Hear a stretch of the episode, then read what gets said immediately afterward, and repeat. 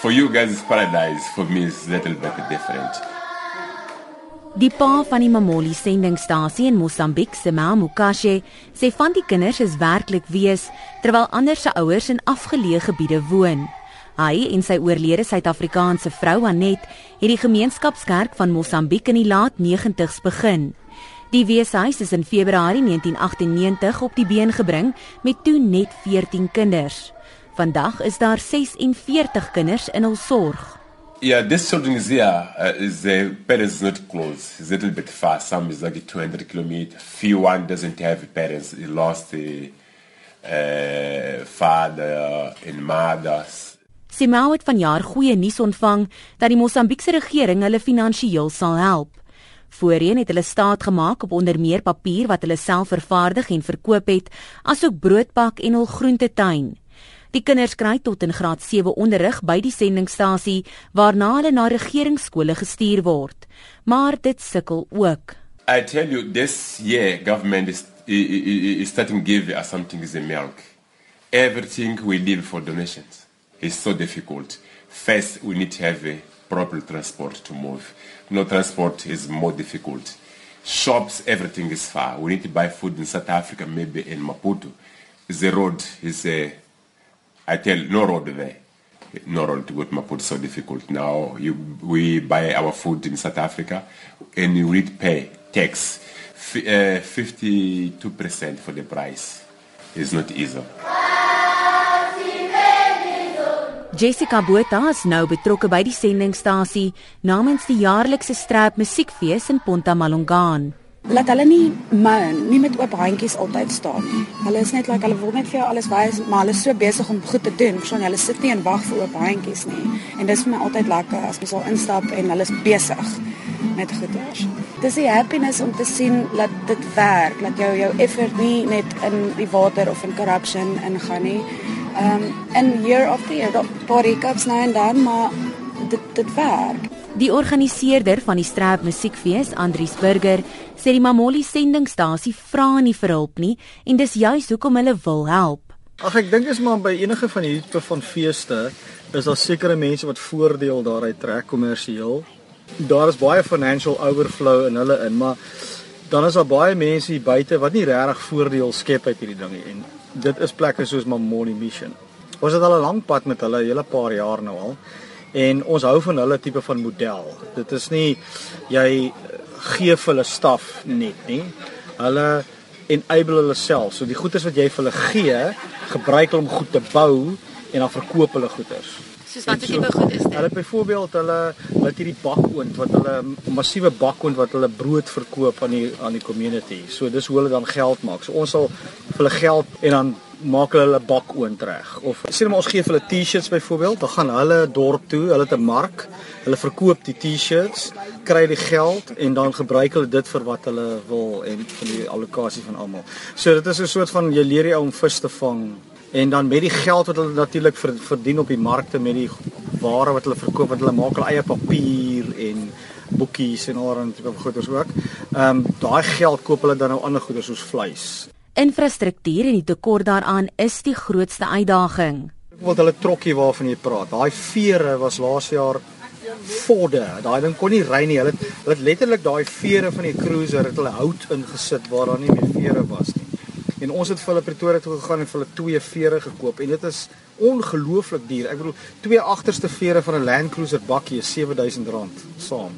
Nou obviously, hulle kan nie sulke goederes bekostig nie. So ons het dit vir hulle gekoop en deurgebring en nou is hulle weer okay vir 'n paar jaar. Maar maar dit is wat infrastruktuur betref. Dit is klein goedjies wat dit ongelooflik moeilik maak vir hulle want 'n kar is vir hulle goud.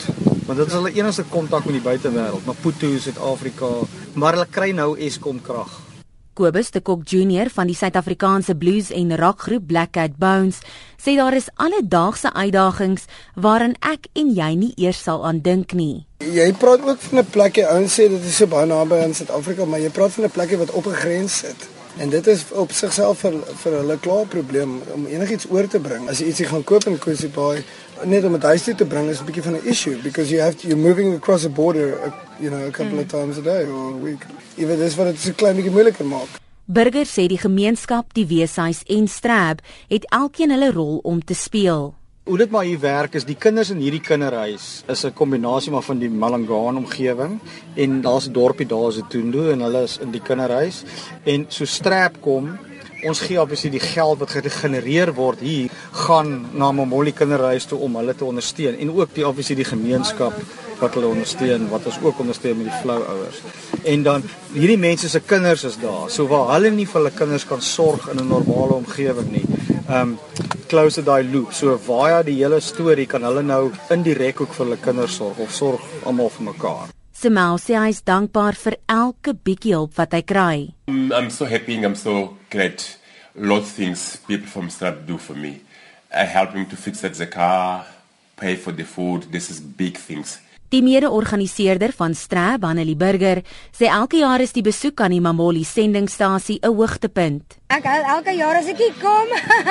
die kindertjies is so vriendelik en jy weet hulle het niks. Daai is kindertjies wat met sulke shambles aan hulle lyfietjies rondloop. Die volgende oomblik smile hulle vir jou en hulle is die vriendelikste, gelukkigste gesiggies op die aarde met regtig net mooi niks in hulle handjies nie. As ek dink aan ons in Suid-Afrika Ons is ongelooflik bevoordeel. Die armste mense in Suid-Afrika is ryker as die kinders in die Mamoli kinderhuis. So vir ons voel ons net jy jy gee iets terug aan iemand wat wat dit regtig kan gebruik en wat dit ongelooflik baie waardeer. Jessica Botha sê hulle probeer regdeur die jaar help waar hulle kan. Toe raak Strap nou weer fully involved en hulle gee elke jaar percentage van die ticket sales en ek doen elke Julie 'n landman raak wat ons aan die geldjies vir hulle oorbetaal maar spesifiek om iets van te doen. Soos hulle dit laas jaar nou vir 'n Kersfeesparty gebruik en die vorige jaar het dit gehelp om die krag vir die maand te betaal. Want dit dit was nou nodig want hulle het die eerste keer krag gekry na 18 jaar. Ons het so baie, so en al wat ons eintlik nodig het is goeie gesondheid en happiness.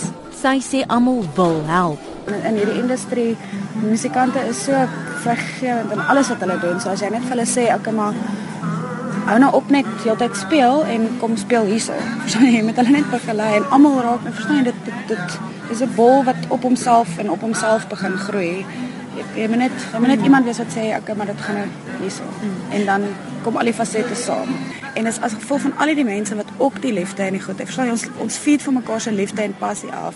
Dat jy nie jy's nie alleen nie en ek dink as mens so kyk na ander mense wat wat nie perseveer nie, is hulle hulle het die regte groep om hulle om te help. Verstaan jy, jy feed off each other's energy en so hmm. verstaan jy, wil niemand teleurstel want jy het net die ding begin. So ons gaan aan, maar dan dink jy jy's alleen en dan sien jy net maar daar's mense in Duitsland wat help. Met mense praat dan gee hulle jou net weer daai energie.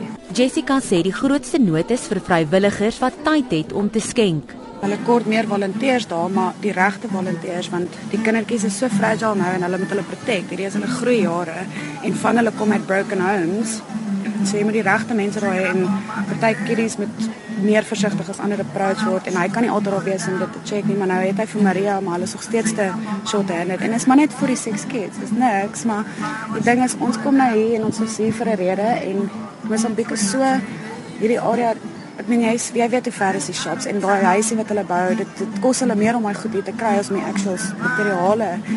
So dis hoekom mense het ons baie getune. Ja, maar hoekom vat julle die geld uit Suid-Afrika uit? Dit's like daar's soveel plekke om daar te help. Ons het like maar ons is nou in ons plek gesien en hulle het nie hulp en is so ver ons Suid-Afrika is so groot en daar's so baie mense. Try charities is daar tussen suburbs. Hier so is dit in the middle of nowhere.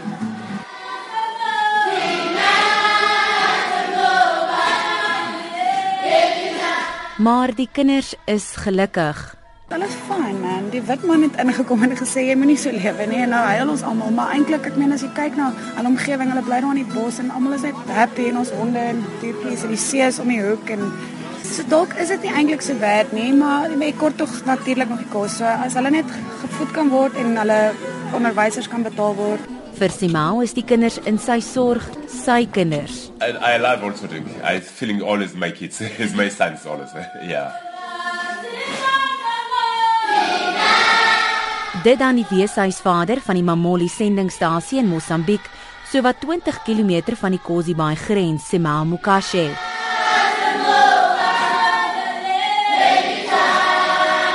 Ek is Melissa Tegie in Ponta Malangaan in Mosambiek.